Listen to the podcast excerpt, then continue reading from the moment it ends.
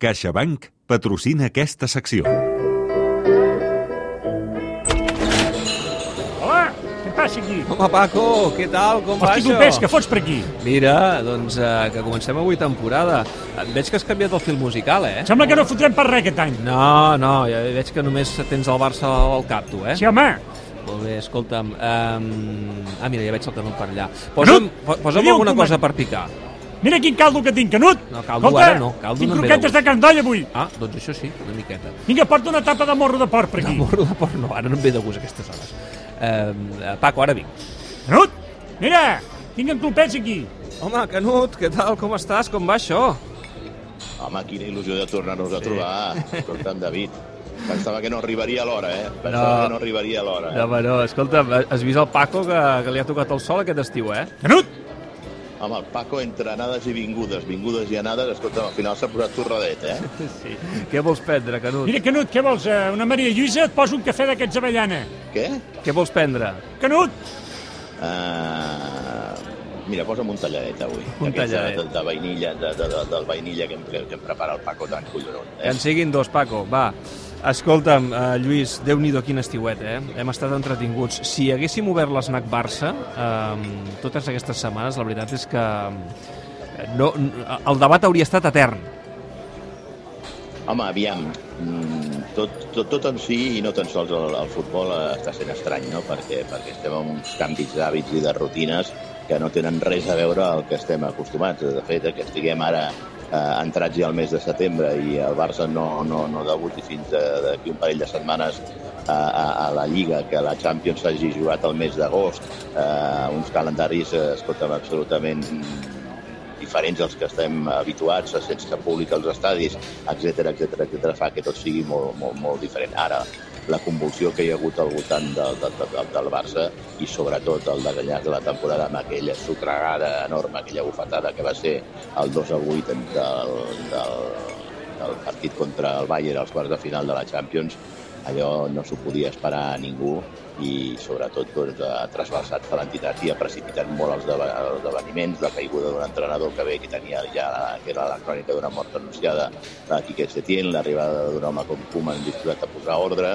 en el vestidor i sobretot a, a implementar un, un mètode de treball on el Barça recuperi sobretot la intensitat en el seu joc, perquè avui en dia sense intensitat David no es va enlloc, eh? Escolta, um, avui és un dia important perquè d'aquí no res a les 7 el Johan Cruyff, i el seguirem el Tot Gira, el debut de, del Ronald, del Koeman, a la banqueta del Barça en aquest amistós de pretemporada, el primer de la temporada, eh, davant del Nàstic. Um, està content el Ronald? El Ronald està content i, a més a més, il·lusionat. Eh, està molt content pel, pel treball que s'ha fet fins ara en aquestes dues setmanes que porta de- d'entrenaments. La plantilla ha respost molt bé, començant pel mateix eh, Leo Messi, i la prova més clara la vam tenir abans d'ahir, que en una jornada que era festiva, que no havia de- d'entrenar Leo Messi, doncs eh, es va acollir a fer un entrenament voluntari, a intentar recuperar les sessions preparatòries que porta eh, d'endarreriment respecte als seus companys i això ve demostrar que després de tot el que ha passat eh, Leo Messi continua endollat, ell mateix ho va dir en la famosa entrevista on va anunciar que finalment es quedava, que si es quedava era per donar-ho tot i en definitiva aparcant una miqueta o, o, o deixant de banda el seu conflicte amb la directiva et diria que la ciutat esportiva s'ha bunkeritzat i, i, i el que passa allà dintre és qüestió dels jugadors, de l'entrenador, però no, no es volen que hi hagi interferències eh, externes que puguin doncs, eh, alterar eh, l'ordre i la convivència en aquella ci- ciutat esportiva i en el vestidor de l'equip. Ahir per primera vegada el vam sentir a, a Barça TV, als mitjans oficials del club, a,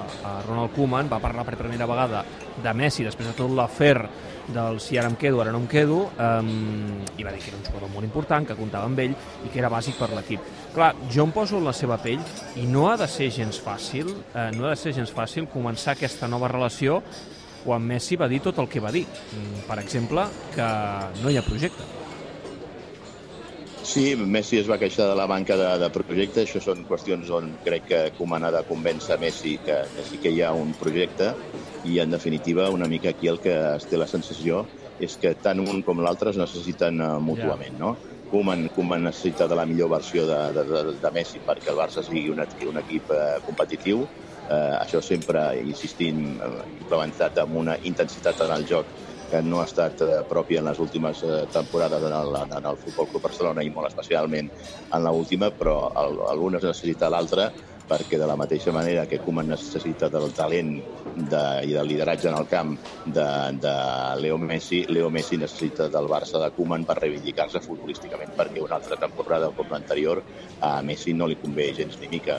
I, i, i si aquesta ha de ser l'última temporada de Messi en el Barça, o si millor dit ha de ser l'última gran temporada de Messi, perquè després passarem a una altra temporada que serà premundial i ja sabem que quan s'arriba a les cites premundials eh, Messi acostuma a regular molt el seu rendiment pendent de, de, de poder arribar a les millors condicions al final de temporada per, per intentar aconseguir aquest repte que té eh, de, de, de, de guanyar el Mundial amb l'Argentina doncs dir que, que, que l'última gran temporada de Leo Messi molt probablement sigui aquesta.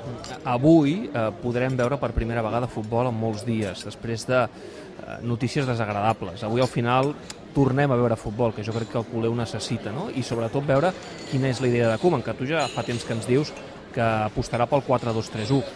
Aquí serà interessant, ja sé que és una prova avui, eh? és un partit de pretemporada i segurament no veurem potser l'11 de gala, um, però veure sobretot com disposa l'equip de mitja camp cap endavant. No? Eh, si Griezmann cau a la dreta o a la mitja punta, si Dembélé serà un jugador important en Koeman, qui serà el nou, si és que arriba Depay o aposta per Ansu Fati. Hi ha moltes incògnites obertes amb ell. Sí, hi ha moltes incògnites, eh, sobretot, com dius tu, de, de mig camp cap, en, cap endavant. No? Home, jo crec que en el partit d'avui poques conclusions podrem treure perquè entre alguna baixa que hi ha com la d'Ansu Fati, sí. més eh, no sé eh, quant temps pot estar disposat a, a jugar a Leo Messi, eh, no, no, no, no, crec que veiem a l'11 de gala perquè, a més a més, la baixa ens, quasi ens privarà d'aquest 11 de gala, no? Però sí veure... Eh, jo, avui és com un d'aquells partits que d'aquelles gires que feia el Barça per Holanda, te'n recordes, no?, d'aquelles gires sí. que feia el Barça per Holanda en l'època de Cruyff, on mica en mica tastàvem les cares, les cares noves i, i, i, home, jo crec que és el moment de veure aquests eh, joves, com és el cas de Trincao, de Pedri, que l'afició no acaba de... de no, no, no, no, no coneix del tot, veure com s'adapten eh, els jugadors eh, que han estat eh, fora cedits i que ara han tornat, com és el cas de l'Anyà, com quina és la resposta dels joves, com, a, com és el cas de Riqui Puig, on els situa, on els posiciona, si en, en, en aquest eh, doble mig centre que hi haurà al mig del camp o si bé els col·loca a la línia de tres mitges puntes. Eh, com, com respondrà sobretot Dembélé, però clar, avui també és un partit on, on, on, on, on, Dembélé eh, podrem veure comptagotes, no? Eh, però, però és important que com a mínim hi toquem fusta eh, en el primer partit i els primers de canvi no se'ns lesioni Dembélé. No, home, no, no, cridis, no cridis el mal temps, home. Bueno, no, i és que, escolta'm, jo, jo sóc molt fan de Dembélé perquè crec que futbolísticament és un jugador d'un talent enorme i d'una capacitat per desbordar que n'hi ha pocs en el futbol mundial, però hem perdut amb ell tres temporades per culpa de lesions. No sé si com a conseqüència de que la preparació de l'equip no era l'idònia o que, o que tampoc el, el, el, el, seu comportament extraesportiu era el més adequat. Però el cert és que hem perdut tres anys boníssims. Ell ha patit dues lesions amb dues intervencions eh, quirúrgiques eh, molt importants i per tant caldrà veure quina és la resposta d'aquest eh, futbolista. Jo aquí el que veig són molts davanters i molt pocs llocs, sincerament, eh? perquè a més a més també hi ha Coutinho. Hi ha Ansu Fati, que sí, sí, sí. No, no, no he passat per alt que has dit... Bueno, però, escolta'm, eh, eh, és millor això, que hi hagi competència, sí, però... eh? Que, que no ens plantem en partits de, de, de, de, de, de quarts de final de la Champions o partits decisius de la Lliga sense poder sí, completar sí. la convocatòria sí. com va passar la temporada passada, que això, això com diria el difunt Núñez, és, és gravíssim, no? Sí, però, però tinc la sensació que anem d'un extrem a l'altre, eh? Però vaja, també és veritat que s'ha d'acabar de tancar el mercat i veure eh, qui marxa i qui arriba. Però eh, anava a dir, eh, no he passat per alt, que has dit avui no hi és en Sofati, per tant no podrem tenir l'11 de gala. Què és que veus a Ansu Fati de titular aquesta temporada? I si el veus com a titular, el veus de nou o d'extrem? Home, jo, jo, jo, jo Ansu Fati, avui en dia el futbol, i més amb això dels famosos cinc canvis, eh? eh parlar d'un 11 de gala ja que probablement quedi una miqueta antiquat, no? Però podríem parlar d'un 13 o un 14 de gala pels canvis que pot anar introduint al llarg del partit. En aquesta pool, indiscutiblement ja està a dintre en Sofati, no? Sigui, continua amb la progressió que... És a dir, al Koeman li agrada en Sofati, eh? Aposta per ell.